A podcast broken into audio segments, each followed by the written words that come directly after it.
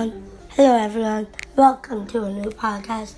Today, you're here with your host, Dash. Today, I will be talking about how to watch the Packers. Then, so today, you have to you have to go to Fubo TV, or you can go to Stream Classrooms, which it, Classrooms is a website where you can watch all games on on the on the website, or you can go to NFL, or you can go to Yahoo Sports. then look for the game.